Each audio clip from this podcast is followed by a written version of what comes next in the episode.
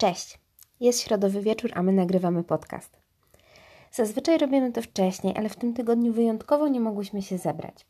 Tydzień temu cieszyłam się, że jeszcze są ferie.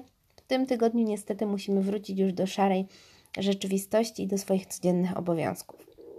Niemniej jednak jesteśmy dumne, bo mimo wszystko uda nam się podtrzymać tę cotygodniową tradycję. Dobry wieczór. Tak, myślę, że świadomość tego, że nieustannie wałkujemy teksty biblijne, też ma znaczenie, ale jeszcze chwila i przenosimy się do mitologii, w której też będzie się bardzo wiele działo. Powiem Wam, że podczas nagrywania odcinka o pieśni nad pieśniami tak się zainspirowałam tymi pięknymi opisami i tym, że same Wam polecałyśmy przejrzeć tę księgę, że faktycznie fragmenty wykorzystałam przy pisaniu walentynki.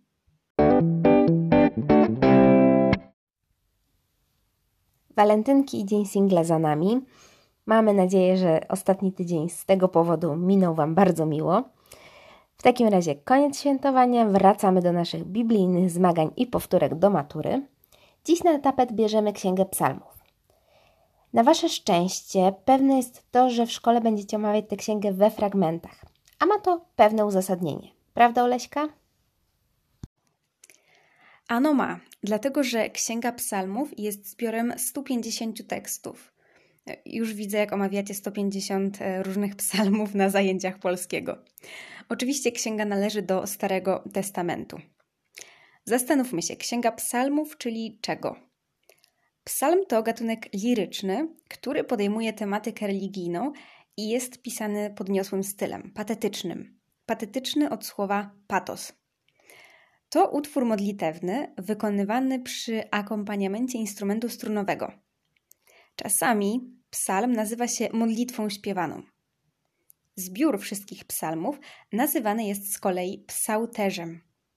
A słowo psałterz pochodzi od takiego instrumentu muzycznego, strunowego, szerpanego, mm, który posiada płaskie studio, tak, płaskie studio, płaskie pudło rezonansowe, w języku greckim nazywane było psalterium. Psalterium, psałterz, wszystko się zgadza. Adresatem psalmów najczęściej jest Bóg. Psalmy mogą mieć charakter indywidualny, czyli wypowiada się jedna osoba i mówi o swoich uczuciach, o swoich emocjach czy prośbach skierowanych do Boga. Ale mogą mieć też również charakter zbiorowy, czyli podmiotem jest grupa osób, jakaś społeczność. Dzieje się tak wtedy, gdy psalmy dotyczą ważnych wydarzeń. Pamiętajcie o tym, że podmiot zbiorowy to rodzaj podmiotu, który wypowiada się w imieniu jakiejś zbiorowości, używając przy tym drugiej osoby liczby mnogiej my. Na przykład widzimy, śpiewamy, chwalimy. Z psalmami jest podobnie jak z pieśniami, o czym mówiłyśmy tydzień temu. Można wyróżnić różne rodzaje tych psalmów. Błagalne, zwane lamentacjami, które zawierają prośby skierowane do Boga. O coś się tego Boga błaga, jak sama nazwa wskazuje. Na przykład Psalm szósty.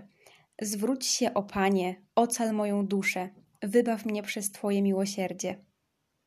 Błagam Cię o to. To jest właśnie psalm błagalny. Mamy też psalmy pochwalne, tak zwane hymny. Wielbią potęgę i dobroć Boga, po prostu. Na przykład psalm 71. A ja chcę wielbić na harfie Twą wierność, mój Boże, będę Ci grał na cytrze, święty Izraela. Dalej mamy psalmy dziękczynne, które wyrażają wdzięczność za otrzymane dary. Tak jest w psalmie 118.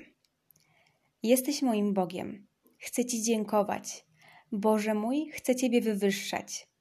Wysławiajcie Pana, bo dobry, bo łaska Jego trwa na wieki. Dalej mamy psalmy mądrościowe, zwane dydaktycznymi. Te z kolei pouczają i przestrzegają człowieka przed grzechem. W psalmie 15 mamy Kto będzie przybywał w Twym przybytku, Panie? Kto zamieszka na Twojej świętej górze? Ten, który postępuje bez skazy, działa sprawiedliwie, a mówi prawdę w swoim sercu. Mamy też psalmy prorockie, które wyrażają nadzieję i oczekiwanie na przyjście Mesjasza. Na przykład Psalm 76, inaczej pieśń triumfalna. Ogłosiłeś z nieba swój wyrok, przelękła się ziemia, zamilkła, gdy Bóg na sąd się podniósł, by ocalić wszystkich pokornych na ziemi. Co ważne, często słuchajcie, jest tak, że nie da się powiedzieć na 100% o, to jest psalm pochwalny. Zdarza się, że psalm zawiera różne elementy i trudno jednoznacznie określić jego rodzaj. Patrzy się wtedy na cechy przeważające, dominujące w psalmie. Początkowo autorstwo przypisywano żydowskiemu królowi Dawidowi, który jest uznawany za patrona pieśniarzy i poetów. Dzieje się tak dlatego, że jego imię pojawiło się aż 73 razy w tytułach psalmów.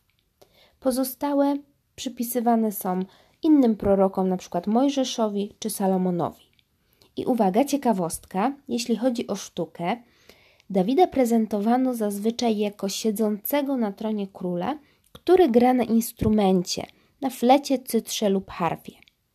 Ale bibliści uważają, że Dawid wcale nie grał na harfie, tylko na podobnej do niej lirze.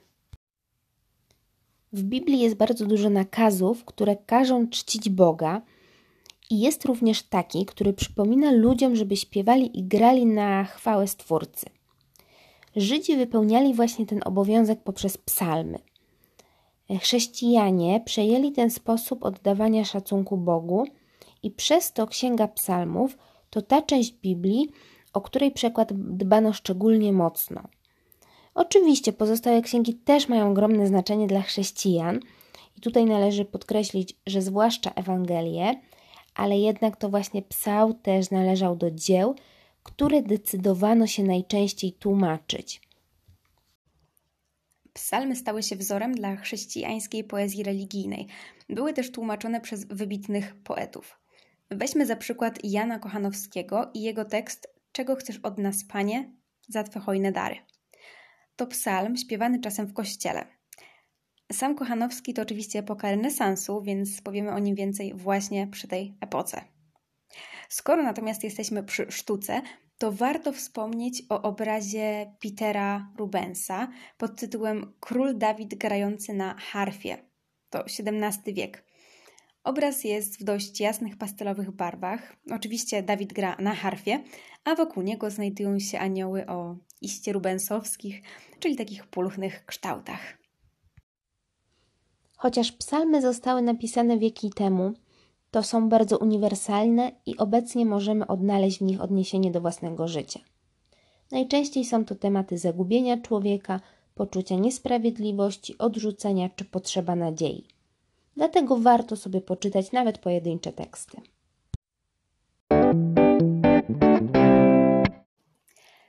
Wydaje mi się, że mówimy to co tydzień, ale z tych tekstów naprawdę można czerpać i mieć poczucie, że wnoszą coś do naszego życia. Zastanawiam się, kiedy pojawi się taki tekst, że powiemy: No nie, my współcześni tego już nie rozumiemy, o co im chodziło, dajcie spokój. Słyszę już, jaki mam złączony głos, więc kończmy to na dziś. Oby taki moment nigdy nie nadszedł. Tymczasem dziękujemy Wam bardzo za dziś. Jest prawie 23, ale grunt, że zmieściłyśmy się w czasie. Mam nadzieję do zobaczenia za tydzień z rana. To pa!